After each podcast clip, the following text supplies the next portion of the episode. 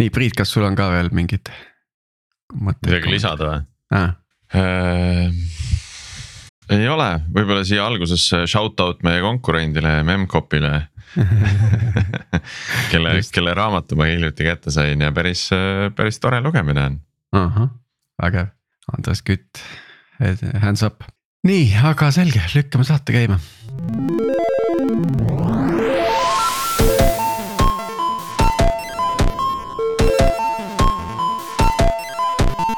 tere jälle Algorütmi kuulama, eetris on meie saja seitsmekümne esimene episood ja mina olen Tiit Paananen Veriffist ja minuga koos nagu ikka lindistamas Priit Liivak Nortalist. ja tänases saates siis teeme järjekordse sissevaate ühe ettevõtte tehnoloogiapinusse ja, ja proovime minna nii sügavale kui võimalik, arvestades, et et ettevõtet ennast loetakse tegelikult deep tech ettevõtteks, et äh, iga kord, kui need deep tech saated tulevad, mul hakkavad kergelt käed värisema, et kas mul on, kas ma oskan küsida neid küsimusi, mis parajasti tegelikult on relevantsed, aga ma arvan, et selleks on meil just külas inimene, kes aitab neid küsimusi püstat-, püstitada ja ise vastata ja selleks on Mart Mägi. G-Scan'i CTO tehnoloogiajuht, et et Märt, tere tulemast saatesse, äkki teed väikse ülevaate, et, et millega sa praegu tegeled ja, ja kuidas, kuidas sa siia sellesse rolli üldse jõudsid?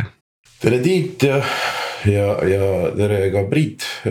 hetkel me oleme siin väga pisi-pisi, oleme lükkamas väravast välja kahte MVP-d, üks siis eh, NDT jaoks ehk siis non-destructive testing nii-öelda toode suunatud eh, sellele turule. Eh, teine siis äh, security skänneri turule äh, suunatud toode Muflux Small MVP.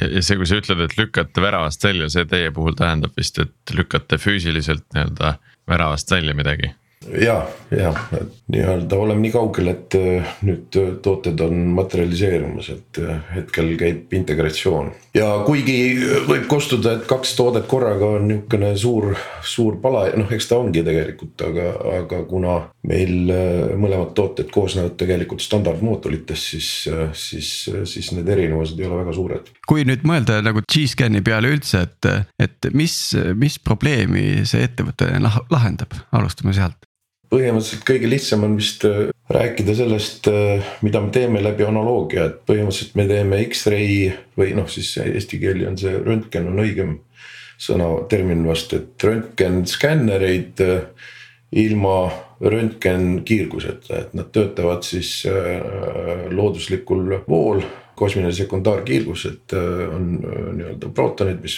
pommitavad siis äh, atmosfääri, põrkuvad seal molekulide aatomitega, toimub lagunemine, need omakorda põrkuvad järgmiste äh, nii-öelda osakestega ja, ja äh, toimub nihuke kaskaad või noh, laviini efekt, et, et põhimõtteliselt jõuab maapinnani umbes kümme tuhat müonit per ruutmeeter minutis. ja noh, müonid on siis see põhiline nii-öelda huvipakkuv äh, kosmilise voo osa, aga me kasutame ka teisi laetud osaksi, elektrone ja, ja ka prootoneid, äh, mis küll iseenesest äh, moodustavad väikse osa sellest, sellest voost. Aga kui nüüd võrrelda nagu röntgeniga, eks ju, mida me oleme varem kasutanud, kus seal on mingid ioniseerivad osakesed, mis nagu mõjuvad vähemalt elusorganismidele suhteliselt halvasti, eks ju, et mis see, miks see miks me varem siis selle peale ei tulnud, et seda fooni üldiselt kuidagi suuta mõõta või tehnoloogia areng ongi viinud meid selleni, et seda on nüüd võimalik teha? tehnoloogia on küps, et, et me oleme võimalik seda, võimelised seda naturaalset voogu kasutama ja üks, üks miinus meie tehnoloogia juures on see, et voog on napp, nii et põhimõtteliselt tuleb maksimum kõik nii-öelda kõik osaksed ära registreerida ja noh, taskukohased detektorid on nüüd alles hiljaaegu äh, kättesaadavaks äh, muutunud, mis on kõrge efektiivsusega võimelised registreerima neid osaksi ja teisest küljest äh, ka nii-öelda masinõpped ja, ja, ja, ja arvutusvõimsused on jõudnud sinnamaani. kaasa arvatud, kuhu nii-öelda fotodetektorid, mida me vajame nii-öelda, et, et noh, ühesõnaga tähtede seis on, on, on praegu täpselt nihukene sobilik, et, et selle tehnoloogiaga lagedale tulla ja, ja. Kas, kas muutunud on ka sellise kosmilise kiirguse hulk või? noh, ma ei tea, atmosfääri hõrenemisest tingitult või midagi, midagi taolist.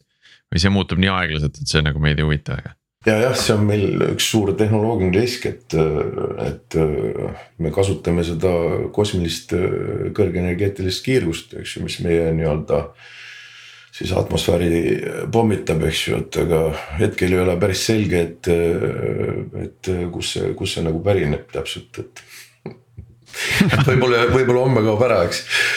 ei, aga noh, ei noh te,, tegelikult see on ikkagist läbi nii-öelda äh, aegade siin meil kohal olnud ja eks ta, eks ta kestab edasi ja inimkonnal see ignorantsus pole kunagi takistanud nii-öelda sellest piiratust võimekusest kasu lõikamast. ja kui nüüd äh, mõelda, okei okay,, et äh, kosmiline kiirgus, me suudame seda detektida, mõõta, eks ju, ja, ja teie seadmed siis kasutavad seda ära, mille jaoks? kui me nüüd võtame röntgenseadme, siis röntgenseadmes siis kutsutakse esile või noh, nii-öelda genereeritakse oma lokaalne kiirgus, seda väga suurtes kogustes ja see ei ole siis inimestele kasulik, meie kasutame naturaalset flaksi.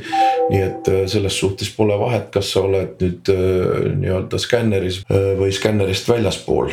mismoodi me teeme, et meil on süsteem on, meil on passiivne, et meil on siis põhimõtteliselt enne seda huviobjekti on, on, me paneme detektori, kus siis tuleb osakene läbi, me registreerime, et mis suunas ta läbi tuleb, anname hinna hinnangu ka selle osaks energiale.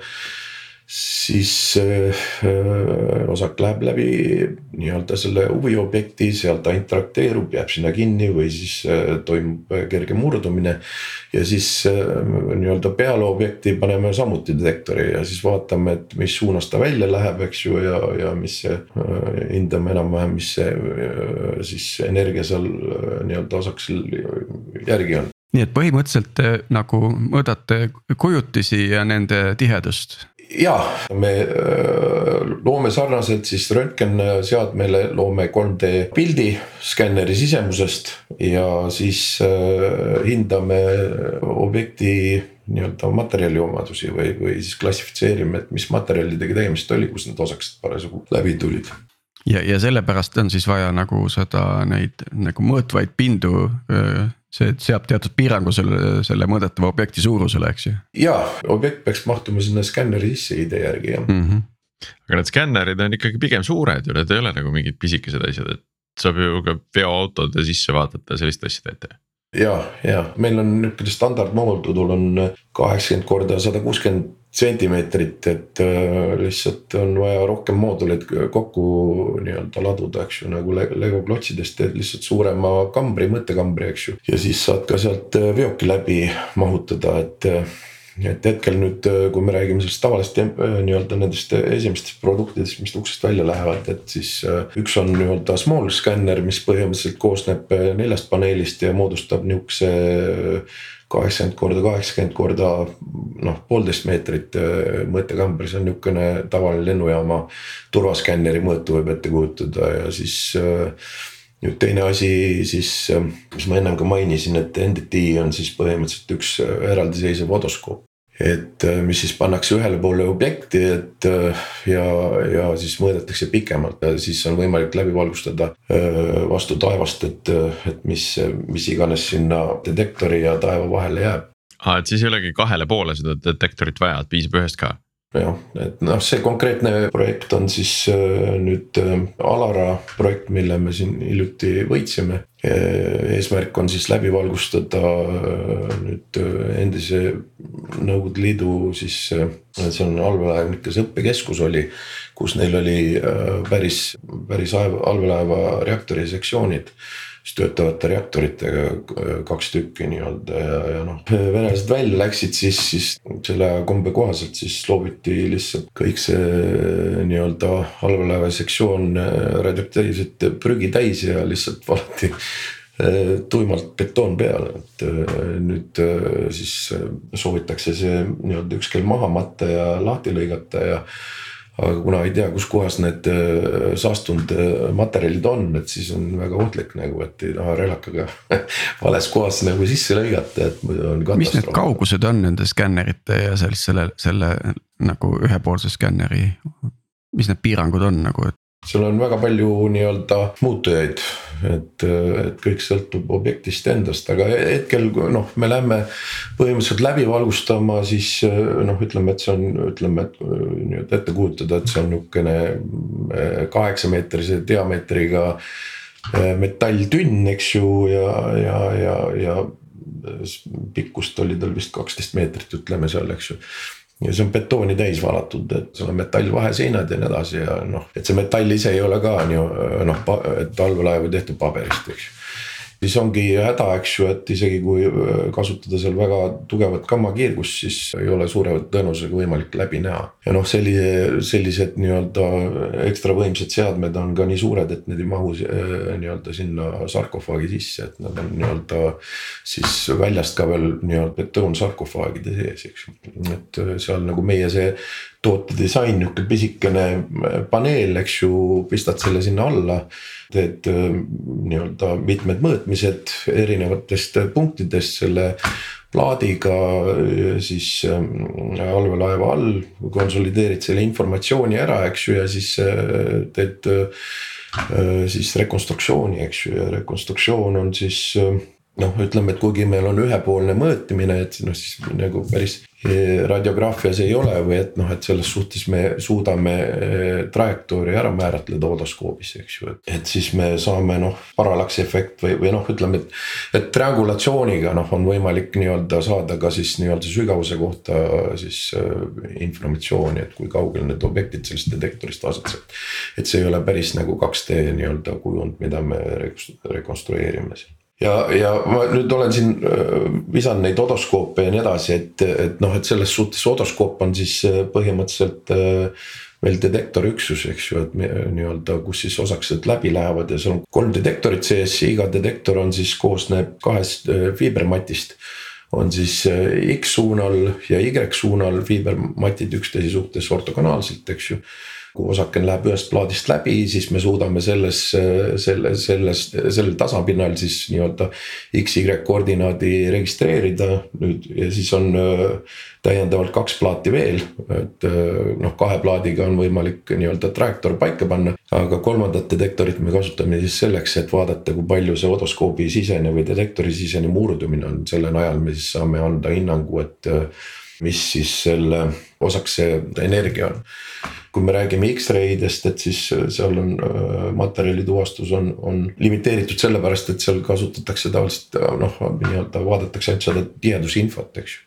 ja tänapäeval on üritatud sinna rakendada igast masinõppelisi algoritme ja nii edasi, et aga, aga noh, need efektiivsused on võrdlemisi madalad on. muidugi kasutatakse kahesageduslikku nii-öelda lähenemist ja nii edasi, et aga ikkagist noh, ütleme, et sa suudad seal öelda, et kas on orgaaniline äh, nii-öelda materjal või inorgaaniline materjal, meie voog on nii-öelda on äh, ütleme, et mitmekesine, eks, et äh, on, on, on, on meil müonid, elektronid, prootonid ja pluss siis see, need, need osakesed omavad ka erinevaid äh, energia siis tasemeid. nüüd selle najal me vaatame, et kui palju nad meil odoskoobis juba iseenesest murduvad, siis, siis, siis selle najal me oskame hinnata nende energiat.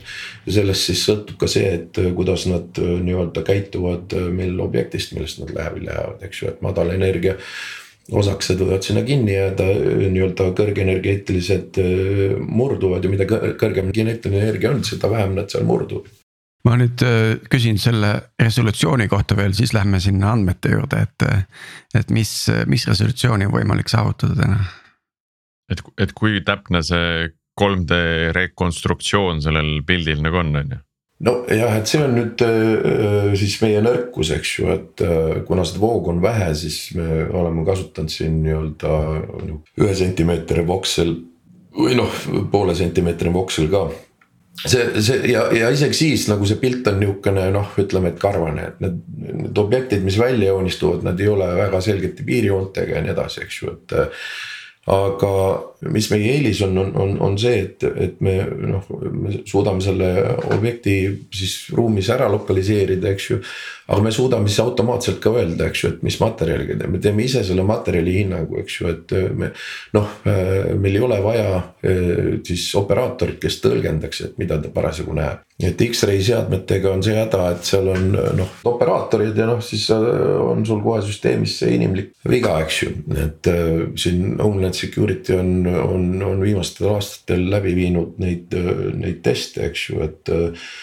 USA-s siis lennujaama äh, turvaväravates jääb kinni ainult viis protsenti varjatud relvadest ja, ja lõhkeainest, eks ju, üheksakümmend viis protsenti läheb läbi, noh vähemalt nii-öelda siis need, mida testimise käigus seal üritatakse läbi smugeldada nii et noh, et efektiivsus on väga madal, eks ja, ja, ja noh, see ütleme, et see heidutusefekt, eks ju, et kus on üks kahekümnele võimalik vahele jääda ja noh, samas sul on ikkagist nagu äh, väga äh, tugev kavatsus midagi kurja saata, siis noh, see ei ole väga suur heidutus, eks ju, ja samas meie oma labori prototüübi peal oleme näidanud, eks ju, et me pööraks selle pea peale, et me meie labori prototüübiga me saavutasime seal noh, ütleme, et materjali tuvatus, tuvastuse efektiivsuse üle üheksakümne viie protsendi, eks ju, et noh. Ähm, ja nii-öelda seda automatiseeritult, eks. no see poole sentimeetrine täpsus äh, noh, kõige hullem ei ole ju, kui on, ütleme, suured asjad, mida skännida, äh, masinõpe juba samamoodi tuvastab objekte üsna häguste ja selliste karvaste piltide pealt, eks et see, see ei pea olema nagu selgepiiriline, selge piirjooneline kujutis, et, et ära tunda nagu mingisugust objekti tegelikult sa saad ka materjali info nagu, et mis, mis on tunduvalt rohkem kui see nii-öelda siis nii-öelda objekti piirjoon, eks. et noh, relva tehakse ikkagi gunmetallist, eks ju, mitte nii-öelda. mitte alumiiniumist. hetkel nii-öelda MVP juures me isegi ei ole veel äh, nii-öelda läinud sinna, et äh, objekte tuvastama hakata, et meil piisab materjali klassifitseerimisest. kas selle mõõtmise asukoht ja selle kohal olev materjal on ka oluline? ma mõtlen just seda, et kui palju sul nagu sa oled nagu kuskil keldris on ju, siin on kolmkümmend korrust on peal nagu, et kas see mõjutab? Mõjutab tõesti, et äh, mingil määral see äh, mõjutab, aga noh, siis saab alati nii-öelda kalibreerida ja normaliseerida selle kohaliku voo jaoks, eks ju, et. Äh, aga noh, see, see mõjutus nüüd ei ole niivõrd märkimisväärne, et, et tegelikult see nii-öelda ta lennujaama pista või mis iganes, et, et, et see efekt ei ole väga suur, et me ei ole küll päris aus olla, siis kuskil keldris seda veel katsetanud, eks ju, et aga, aga teada on see, et see voog on väga läbistav, eks ju, et see on nüüd äh, täiendavalt see üks, üks tugevus, eks ju, looduslikul kiirgusel, et see noh, põhimõtteliselt on. on sellega ju läbi valgustatud äh, siin hiljuti, mis siin oli, Kufu püramiid näiteks, eks ju, äh, siis leiti seal siis Queen's Chamber, eks ju, et mida, mida eelnevalt ei teatud, et see üldse olemas seal on, eks ju või siis Fukushimas kasutati müontomograafiat, et vaata, mis see olukord seal oli pärast seda katastroofi, et. et nii-öelda see ja noh, vulkaan on ju läbi valgustatud läbi aegade müonitega, nii et no,. Nice, kuidas sa vulkaani alla saad? külje pealt? ta vaatad külje pealt jah, et mm. -hmm et seal on sadu, kui mitte kilomeetreid, eks ju, materjali, mida need osakesed ennem läbistavad, kui nad kohale jõuavad oota, aga see, mis sa räägid nüüd noh, on, viitab kõik ju sellele, et, et te ei ole üldse ainsad, kes midagi analoogset teevad ja maailmas on neid, neid pakkujaid teisigi, kes selle, sellesama tehnoloogia arendamisega tegelevad. ja, ja neid hiljuti on nüüd siin äh, juurde tekkinud äh, päris jõudsalt ja noh, nii-öelda muidugi kõik ei fokusseeri samale nii-öelda turule, eks ju, et me oleme siin äh, security turul teised pakkujad, et meil on üks konkurent ees, Decision Sciences. ja nemad alustasid tegelikult enne meid ja, ja, ja noh, seal on tegelikult äh, selle ettevõtte alustas äh, Schultz, kes on siis nii-öelda müon scattering müon tomography grand old man tegelikult, eks ju, et kuskil kaks tuhat aastal ta pakkus scattering tomograafi idee üldse välja, eks ju, ja, ja, ja sealt siis äh, nii-öelda sai alguse Decision Science, siis nad vist kaks tuhat kaheksa järsku juba alustasid või. aga noh, vot see oligi see moment, eks ju, et, et nad olid nüüd natuke omast ajast ees, et need tehnoloogilised valikud, mis nad pidid tegema noh, ja tegelikult ülesande püstitus oli natuke teine, eks ju, et siis oli see mure, et, et järsku USA-sse tuleb nii-öelda, tuuakse seda tuumamaterjali sisse, eks ju, ja kuskilt teeb keegi räpase pommi. ja noh, nüüd kui me vaatame siis tuuma, noh plutoonium ja, ja see uraan ja nii edasi, eks ju, need on Mendelejevi tabeli lõpus, eks ju. kõrge Z-väärtusega ja see tähendab seda, et siis osakesed nii-öelda saavad väga palju nii-öelda siis mõjutatud selle materjali poolt või noh, teisisõnu väga suured murgu, murdumisnurgad nii-öelda paistavad kohe kätte, eks ju lihtne tuvastada. Äh, lihtne tuvastada, väga lihtsad algoritmid, mida sinna implementeerida, et seda, nii-öelda tuvastada, eks ju, et lihtsalt paned poka peale. Poka otsib lihtsalt äh, point of closest approach, eks ju, et siis äh, nii-öelda jooksed, joonistad kaks vektorit sinna vahele.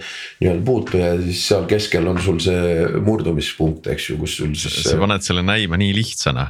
ja, ja täpselt et kõik see, mis sa siiani rääkinud oled, et ka see allveelaeva skännimine, et noh, mis seal ikka, paneme plaadi siitpoolt ja sealtpoolt ja. pärast agregeerime andmed ja ühtlustame ära ja siis konstrueerime mudeli ja. tahtsingi rääkida, et see nagu nüüd viitab, et teil on põhimõtteliselt kaks suurt probleemi, eks ju et kuidas need andmetele peale teha algoritmid ja siis kuidas see visualiseerida või? Jaa, nii-öelda võib-olla ka selle nii-öelda decision science'i jätkuks, eks ju, kuna nad tegid oma detektori valiku sellise, eks ju. et see tu, nii-öelda tutvustab ise juba süsteemi väga palju niisuguste määramatust, eks ju. siis üks väga kriitiline komponent meie selle süsteemi juures on tegelikult see detektor ise ka. et, et me peame võimalikult täpselt mõõtma ja, ja, ja seejuures võimalikult vähe mõjutama siis neid osakesi ennem kui mm -hmm. nad sinna nii-öelda skänneriruumi äh, nii-öelda sisse satuvad, eks ju kas detektor ise on nagu tark või pigem loll selles mõttes, et kas tema lihtsalt saadab koordinaate või ta teeb midagi ise ka rohkem? see on äh, väga targa disainiga loll seadel siis. et äh, detektoris ei ole nagu midagi muud peale tegelikult äh, noh, ütleme, et seal on äh, fiibrid. plastikfiibrid, need on tõubitud, eks ju, nii-öelda laetud osake läheb sealt läbi, tekib valgussähvatus. osa sellest valgussähvatusest suudetakse siis nii-öelda viibri, viibris kinni hoida suunata siis nii-öelda läbi peegelduste sinna fiibri otstesse, fiibri otstes on nüüd siis fotokordisti, väga tundlik eh, seadeldis eh, mis on siis võimeline põhimõtteliselt registreerima footoni või paar, eks ju, ja selle siis üles võimendama selliseks elektrisignaaliks, mida on võimalik siis elektroonikal edasi töödelda, eks ju, ja, ja, ja siis siis on meil vahel seal tegelikult multiplexing. sellepärast, et selline väga peen data acquisition või andmehõive elektroonika, eks ju noh, meil on kanalind on, on mingi kakskümmend eurot, eks ju, et, et ja kui sul on odoskoobis viisteist tuhat fiibrit, eks ju, noh siis ainuüksi andmehõive elektroonika maksaks kolmsada tuhat, eks. siis me teeme multiplexing ut, et siis kasutame nii-öelda noh, nii-öelda see on üks kuueteistkümnele, nii et noh, me saime nii-öelda andme andmekanali makse saame nii-öelda euro peale kuskil. sealt edasi siis äh, me lükkame, siis meil on andmehõive äh, tarkvara seal on meil natukene tarkus sees, kus me siis üritame, kuidas seda öelda, see on vist ütleme, et me kasutame eelteadmist osakeste käitumise kohta, et äh, korrigeerida süsteemi iseloomulikke vige, vigu või inherit errors, eks ju et noh, me teame, et süsteemi mõõtetäpsus on meil limiteeritud, eks ju, et aga kui me teame juba eelnevalt, mis on see käitumissoodumise osakestel ja nii edasi, siis me saame nii-öelda teha korrektuure ja, ja, ja suure tõenäosusega, kui me need korrektuurid teeme, siis me nii-öelda saame realistlikuma siis pildi kui, kui, kui ilma selleta. see on meil Javas niisugune see andmehõive osa siis, siis, siis. no nii, et detektoris ikka jookseb mingi opsüsteem või? Nojah, et see andmehõive elektroonika nõuab ise juba nii-öelda kontrolliks ja, ja, ja tarkvaralist osa ka jah. Multiplexing on ka meil nüüd äh, nii-öelda mitte perfektne, et seal me kasutame tegelikult äh, masinõppe abi, et, et natukene seda efektiivsust äh, kasvatada, et, et need me teeme natukene eespool seal andmehõive juures siis lähevad andmed lähevad edasi töötlusse ja algoritmika on meil siis Pythonis ja masinõpe, et mm -hmm. siis seal toimuvad sort, sortimised, filtreerimised.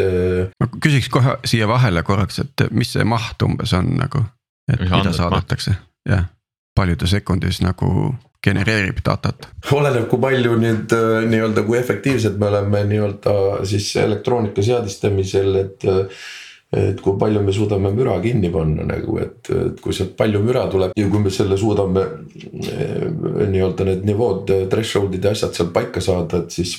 siis see tegelikult ei ole üldse palju, et eh, paarkümmend megabaiti. aga see on eeltöödeldud muidugi, et meil on tegelikult eh, TAK elektroonika, kus sees nii-öelda toimuvad ka nii-öelda eelfiltreerimised, töötlemised ja nii edasi ja. ja need seadmed on tegelikult COTS seadmed mis, mis on COTS seade? Commercially off the shelf äh, seadmed. et, et see ei ole üldse nagu, et seda võiks igaüks osta ja siis äh, hakata, hakata arendama konku-, konkureerivat äh, lõpu, lõpuotsa. võtab kõigest palju siis, võtab kõigest kuus aastat ja nii-öelda mõningad miljonid. saab teha küll Pythoni poole peal on meil rekonstruktsioon, objekti tuvastus, materjali klassifitseerimised, need osa nüüd on nii-öelda rekonstruktsiooni osas me oleme päris palju ise nagu uut nii-öelda matemaatikat loonud ja, ja teinud unikaalseid lähenemisi, tegelikult ka tracking'u juures. ja siis äh,, aga nüüd objekti tuvastus äh, tahame ka analüütilise mudeli pealt lükatada masinõppe peale, et me vaatame, et need can'i tulemused on päris lubavad, et generative adversarial networks, et, et et see on andnud päris lubavaid tulemusi, et äh, suudab nii-öelda, üks asi on see, et sa teed rekonstru-, äh, rekonstruktsiooni, aga see on nii-öelda jätkuvalt väga mürane, eks ju, et siis sa tahaksid nii-öelda sealt äh, selle, selle müra seest välja tuua siis nii-öelda ilus, ilusasti välja joonistada need objekti piirjooned ja siis sul on vaja nii-öelda täiendavat layer'it seal peal, et objekti. pildiparandust teha põhimõtteliselt. see on see, see on see filmide enhance et siin tundub, et on mingi mull ja siis teed enhance. jah, jah, nii ta on jah. ja siis, eh, kui sul objekt on äh, nii-öelda tuvastatud, siis, siis sa paned sinna peale klassifitseerimise, eks ju, et vaatled, et mis need osakesed seal, kuidas nad käitusid ja nii edasi, et noh, et siin ongi nagu üks e-, erinevus sellega, et mis siin nii-öelda decision science on teinud, eks ju, et nad on nii-öelda läinud äh, siin scattering density peale põhimõtteliselt, ühesõnaga, et, et, et nad tahavad kõike korraga saada, eks ju, et, et, et rekonstruktsioon peab andma sulle vastuse, et kus on objekt ja, ja mis, mis materjaliga tegemist on, eks. ja me oleme näinud, et see ei anna nagu häid tulemusi ja, ja noh, ütleme, et see on üldine trend, eks et me oleme nüüd natukene võtnud teistsuguse lähenemise ja tegelikult see, need tulemused, mis ma siin ennem mainisin, eks ju, et see oma labori prototüübi peal siin saime need äh, praktiliselt üheksakümmend üheksa pluss äh, protsenti klassifitseerimis äh, siis efektiivsust neljaminutilise mõõtmise pealt ja, ja kõik see oli nii-öelda low set materjal, eks ju, mis seal sees oli. see tähendab siis noh, nii-öelda Mendelejevi esimene ots, eks ju, noh, meil oli seal. sihuke raskesti mõõdetav kraam. raskesti mõõdetav kraam jah, täpselt ja, ja, ja tänu noh, e-, esimene asi on see, et sa pead selle asja üldse üles leidma et kui sa üles ei leia, siis sa ei saa, sul ei ole ka midagi klassifitseerinud ja, ja, ja ja siin nagu meie need äh, nii-öelda spetsiifilised äh, nii-öelda kodus kootud algoritmid on meil appi tulnud ja need on võimaldanud need äh, siis esiteks neid lõhuset materjali leida ja teiseks siis ka see unikaalne lähenemine on võimalik neid nii-öelda. on võimelised teid, et me suudame nende vahel nii suure efektiivsusega eristada, et siin hiljuti siis Hiinas oli siin äh, liu ehk noh, keegi andis siin paberi välja, et põhimõtteliselt äh, suutsid enam-vähem äh, nii-öelda siis samas mõõtkavas ja samas ajaskaalas objekte omavahel eristada lihtsalt selle vahega, et, et neil oli alumiinium, siis oli vist vask järsku siis järsku oli seal äh, see tungsten, eks ju, et äh, lõused, miitsed ja haised. ja neid nad suutsid eristada üks omavahel äh, üheksakümne viie protsendi nii-öelda siis efektiivsusega, et, et see, mis, see, mis me nii-öelda oleme, oleme näidanud, on, on, on. on veel parem. on täiesti uus kvaliteet jah. jah, kuidas, kuidas selle asja üldse äh, ütleme see arendamise või noh, testimise protsess välja näeb, et. et valate ühe kuullaagri betooni ja siis panete selle anduri sinna kõrvale ja siis vaatate, mis andmeid tuleb ja, ja, ja siis mõtlete seda matemaatikat sinna ümber, et. kas on umbes nii või, või ma panen väga mööda? jah, ja mul on sinna jätkuküsimus, et see klassifikatsiooni kiht, eks ju, et kas sinna söödate juba mingi valmis treenitud mingit noh, et see klass, see mudel detektib meil mingit sellist äh, materjali ja see teine seda teist. et kas sinna on nagu, sa mõtled, et kas sinna on genereeritud andmed või need on nagu päris. noh, et kuidas mudel on, mille, mis andmete pealt on mudel treenitud, eks ju, et mm. -hmm. esimene vastus on see, et ja me paneme detektori, paneme ja, ja põhimõtteliselt ongi nii, et äh, nii-öelda paned sinna objekti ette ja kiirgus tuleb sealt läbi ja siis äh, rekonstrueerid äh, selle nii-öelda siis nende äh, osakeste trajektoori pealt ja, ja, ja vastavalt nende käitumisele siis selle pildi ja, ja, ja, ja, ja noh, see on, on jah matemaatika aga kuidas seda maitat paremaks teed, et see noh, mingis mõttes nagu tead, mis seal objekti sees on, eks ole, mida ta peaks detektima. sa näed seda, mida ta peaks tuvastama, sa näed seda osakeste voogu neid tooreid andmeid, et noh, et mi, milles see nagu töö seal seisneb, et kuidas.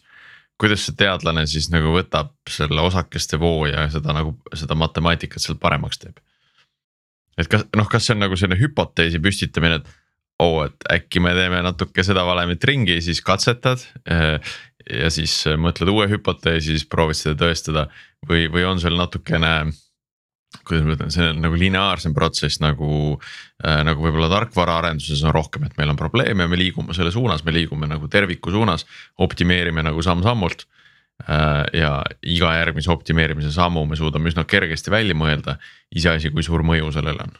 jah, noh, siin on nii ja naa, et äh, selles suhtes äh rasked küsimused. ei noh, rasked küsimused selles suhtes, eks ju, et, et noh, mul on endal natuke kurb meel, et see nii-öelda oma peaga mõtlemist on, on nii-öelda nüüd siin materdatud ja tal on nagu halb mekk mann jäänud, aga, aga seda võiks nagu rohkem olla tegelikult, et väga, väga lihtne on toetuda autoriteetidele, et nad on nüüd midagi siin, eks ju, ära tõendanud, korda saatnud, eks ju, ja aga kui sa tahad nagu mingit uut tasandit saavutada, siis noh, mis see äh, rumaluse definitsioon oli siin, et teha ühte sama asja, loodata, loota siis erinevat äh, tulemust, eks ju. et selles suhtes ma olen nii-öelda siin Eh, ärgitan inimesi ikkagist jah, oma, oma peaga mõtlema, eks ju, ja, ja kus see on ära lörtsitud, eks ju, et kui nii-öelda inimesed on seal koosolekutel ja neile öeldakse, et noh, ma ei tea, koroonat pole olemas ja mõtle oma peaga, eks ju, ja siis nad äh, lähevad äh, kuhugi kõõlakambrisse ja kordavad seda, et koroonat pole olemas, mõtle oma peaga, siis see ei ole oma peaga mõtlemine, eks ju et selles suhtes oma peale mõtlemine on ikkagist nagu väärtus ja, ja väga palju on inimesi, kes tegelikult suudaks luua väga palju uut väärtust, kui nad nii-öelda usaldaks ennast rohkem ja, ja hakkaks julgemalt pihta. tuleb ikkagi selline kastist välja ideid leida selleks, et seda nii-öelda head taset veel paremaks saada, see, see on see, mis sa ütlesid. kui sa järgid standardit, siis. Äh, siis sa saad standardse tulemuse täpselt, et kui sa tahad muudatust, siis, siis, siis sa pead äh, võtma julgeid otsuseid ja olema ka valmis nagu fail ima. noh, see on evolutsioon, eks ju, et kui sa looduses vaatad evolutsioon, noh. Äh, seal on muidugi see nihukene stohastiline või noh nii-öelda juhuslik protsess, eks ju, nii-öelda toimuvad mutatsioonid, eks ju. ja, ja, ja noh, mõni mutatsioon on lihtsalt, annab sulle eelise, eks ju, seal ellujäämises ja, ja siis teeb looduslik valik oma töö ja, ja nii me areneme vaikselt, eks ju nüüd nii-öelda kui vaadata seda teadusmaailma noh inimest, eks ju, et me suudame nagu, et me ei pea nagu nii, nii juhuslikult neid valikuid tegema, et me suudame nagu oma peaga mõelda ja, ja seda nagu efektiivselt suunata, eks ju, et samas nagu vaadata seda, et kus me füüsikaga nüüd oleme nagu stuck juba siin viimased sada aastat praktiliselt, eks ju, et kvantmehaanika ja. ja relatiivsusvahe on kümme astmel sada kakskümmend, eks noh, hirmuäratav kuristik Hu. huvi pärast tahakski nagu, kuna sina oled märksa rohkem sellega seotud, et, et kus me täpselt selle füüsikaga praegu stuck oleme? mis on see põhiprobleem praegu? Ma ei tea, see libe tee, kuhu minna, et ma vaatasin, sattusin soonele ja siis juba rääkisin rohkem, kui oleks pidanud, et pärast saan teadlaste käest nahutada, et, et. Tiit, ma vastan ise ära sulle, vasta ära jah. see on lihtne, mina arvan, on, me oleme seal, et on üha vähem seda, mida me ei tea, et me ei tea. ehk siis noh, seal kuskil on hästi palju asju, mida me ei tea, eks ole. aga seda, mida me ei tea, et me ei tea on, jääb üha vähemaks. et noh, me, me teame, et me ei tea lõpuni, kuidas aju töötab, me ei tea, mhm. me teame, et me ei, ei tea lõpuni kõike gravitatsioonist, on ju. aga, aga noh, neid asju jääb üha vähemaks nagu, mida me ei suuda nagu tõlgendada ja siis, siis on nagu väga raske tühja koha pealt nagu kuskile edasi minna. see on, see on vähemalt nii, kuidas mulle tundub, et eh, et selliseid nagu selgeid probleemi definitsioone on vähe. on, on ka veel väga palju asju nagu, mida me teame, et, et on, on nagu valed. aga, aga nii-öelda kanname jätkuvalt edasi, kuna midagi, midagi muud paremat ei ole, eks ju.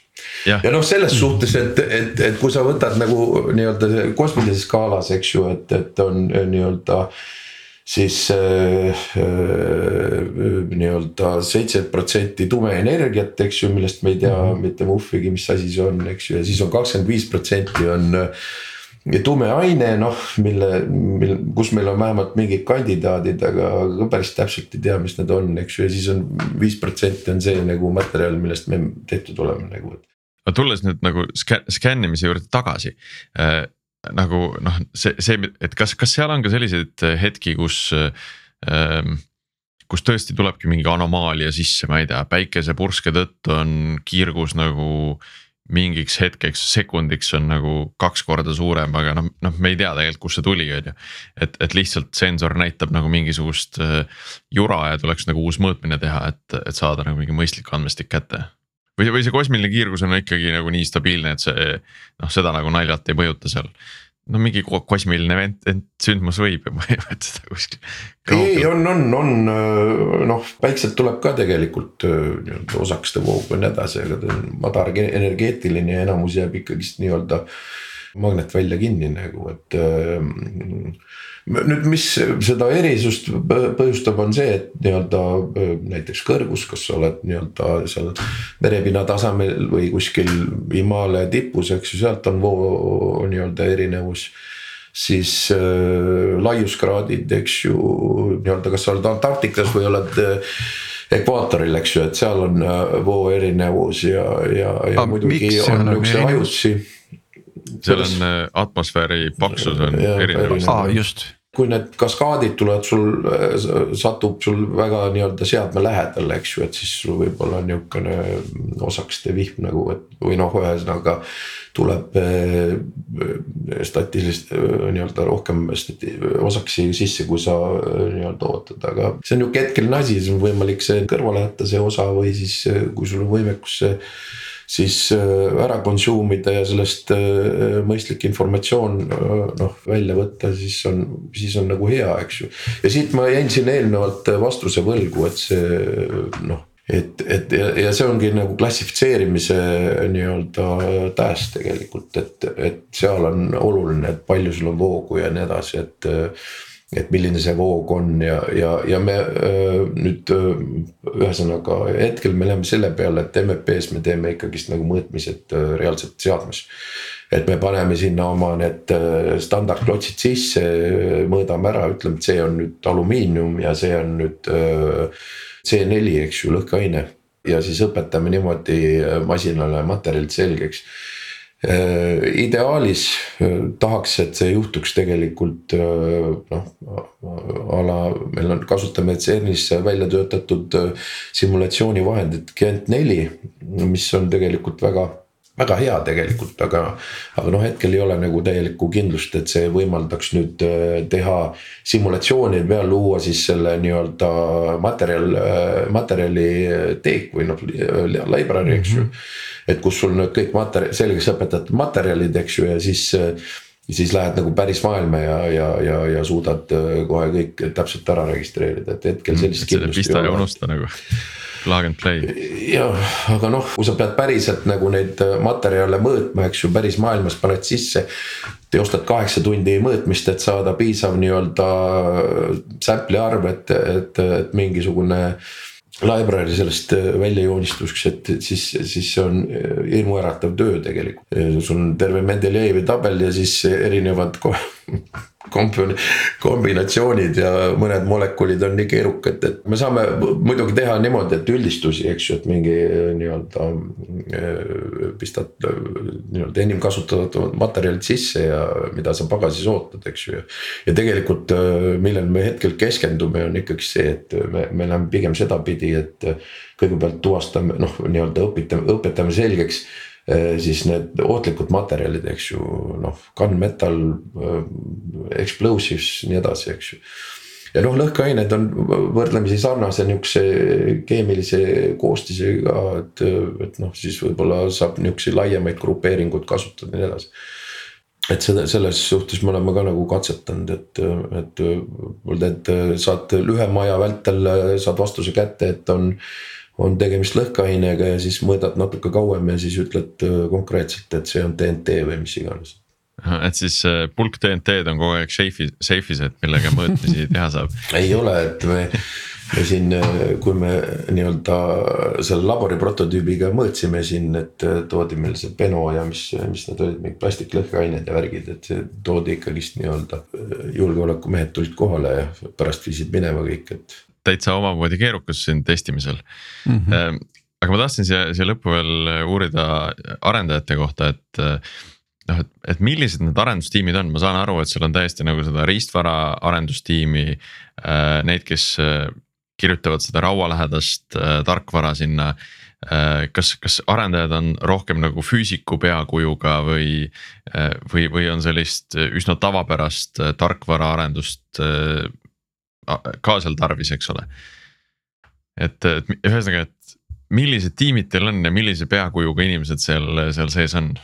siiamaani on jah, meil on äh, peamiselt äh, füüsika, matemaatika inimesed äh, ja, ja tegelikult ka nagu masinõppe inimesed, kes ongi nagu nii-öelda masinõppes kogu aeg sees olnud tarkvaraarendus eh, muutub meil nüüd aina tähtsamaks ja tähtsamaks, sest me peame selle asja nii-öelda noh, ütleme, et eh, ära, ära tootestama, et me peame selle industriaalse töökindluse tagama asjale ja nii edasi, eks ju, et, et hetkel on ta ikkagist MVP ja, ja nii-öelda võib-olla siit natuke logiseb, sealt käriseb, eks ju, et aga, aga noh, töö teeb ära, eks see on kuus aastat MVP, nii et see on nagu päris äh,, äh päris pikk teekond. ja, ja et noh, selles suhtes, et äh, päris äh, nagu fundamentaalseid asju pidi tegema nagu et.... ma pean mõnikord seda enda klientide puhul kasutama, et, G-Scan'i tooma näiteks, et, et ärge jamage, meil läheb siin pool aastat, et siin G-Scan tegi kuus, kuus aastat, et. no seda küll, aga see on see deep tech'i värk, eks ju, et ja. sul on lood endale korraliku mode'i, eks ju, et sul on oma IP, eks ju. nii-öelda keegi tahab järgi tulla, siis ta peab ikkagist aastaid sisse panema, eks ju, et noh muidugi mingi äpiga on, on, on lihtne või veebipoega teed veebipoe, eks ju, nädala pärast juba müüd seal, eks ju, et noh, siis on. ja, kui me räägime nagu e-riigi, e-riigi platvormist nagu suurele mingi saja miljoni peaga inimesega riigile, et noh, et et siis samamoodi kõik tahaks saada neid tulemusi kohe, et, et kuidas te enda investoritele olete selgeks teinud, et äh, see, see aeg ongi okei okay, nagu, et. eks endal on ka seda progressi vaja, et äh, näidata, et ikkagist nii-öelda samm, nii-öelda see kilomeetripost korraga või kuidas öeldakse, et et ja noh, vahepeal on tehtud siin nagu sellest äh, asja nagu õhust ja armastusest ka, et ega, ega neid investoreid nii-öelda äh, Äh, väga lihtne leida ei ole, aga noh, õnneks me alustasime seda asja nii-öelda GoSwifti alt, eks ju, ja äh, GoSwift teeb siis piiri järjekorra ületus seda nii-öelda teenus siin Eesti piiril ja Soomes ja, ja Leedus ja nii edasi, et ja siis meil oli automated border gate siis automatiseerimine piiriületus nii-öelda siis protsess, eks ju. ja noh, kuna on ootealad, siis tahtsime seal lahendada nii-öelda selle probleemi ära, et inimeste identifitseerimine ja dokumentide valideerimine ja nii edasi, autokontroll võiks tegelikult toimuda juba enne piiripunkti, eks ju, lähed piiripunkti, siis nii-öelda piiripunktis siis Äh, piirivalvurile presenteeritakse tabletisse, et noh, kas kõik on korras või mitte, eks ju. ja siis, mis materjalid autos on, see võiks ikka mina, see on nüüd huumoriga muidugi öeldud, see võiks ikka kõik ühes skänneris käia, et ühest skännerist nagu loetakse ära need inimeste andmed ja, ja dokumendi andmed ja siis.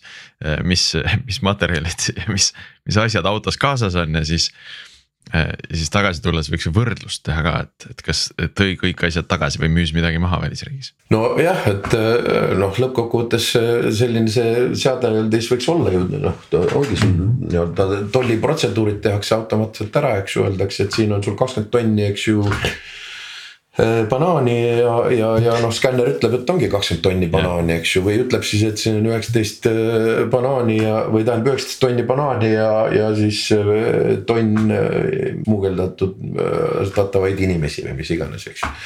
et jah, vot, aga ühesõnaga see GoSwifti asi on lihtsalt, lihtsalt nii-öelda see, sealt tuleb see, et see GoSwifti tiim tegelikult nii-öelda ma käisin, kui ma selle idee välja käisin, siis nad usaldasid meid päris palju ja panid tegelikult ise juba sinna miljoni sisse, et, et see oli nagu päris palju, mis meid aitas, eks ju et, et nii-öelda ja siis mõne aja me tegime nii-öelda tasuta tööd ja, ja, ja, ja panime nii-öelda oma raskus, taskust raha sisse ja ja, ja, ja noh, lõppkokkuvõttes äh, nii-öelda äh, rahaline olukord natuke leevendus peale seda, et kui me olime selle nii-öelda labori prototüübi äh, valmis saanud, eks ju, ja selle pealt me saime Euroopa Komisjonilt siis seitse pool miljonit, et nii-öelda suur skänner. et siis oli midagi näidata juba, eks ja täpselt jah, et yeah., et sinnamaani tuleb ära venitada ja nii-öelda selle vahepeal oli nagu nii-öelda mitmeid momente, kus, kus oli juba nii-öelda inimestel käsi, käsi oli juba seal tõmbas äh, nii-öelda seda äh, pistikut seinast välja nii-öelda, et noh, et, et. Äh, live support'il oli keskkäänd päris mitu korda jah.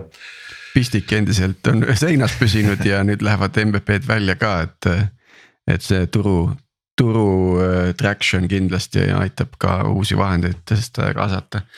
aga aitäh, Märt, meil on aeg hakkab otsa lõppema, et, äh, et me natukene saime sinna sisse vaadata äh, ja rääkida rääkida osakestest ja kuidas need meist läbi lähevad ja, ja teie selle kinni püüate ja oskate meid jälle uueks teha. ja et... asjade sisse vaadata, kes tahab asjade sisse vaadata yeah., suurte asjade sisse vaadata, siis minge, minge G-Scan'i juurde. just, aga tänud äh, meie kuulajatele ja ka Priidule sulle, et aitasid saate, saadet vedada ja, ja siis kuulmiseni juba järgmisel nädalal. thank you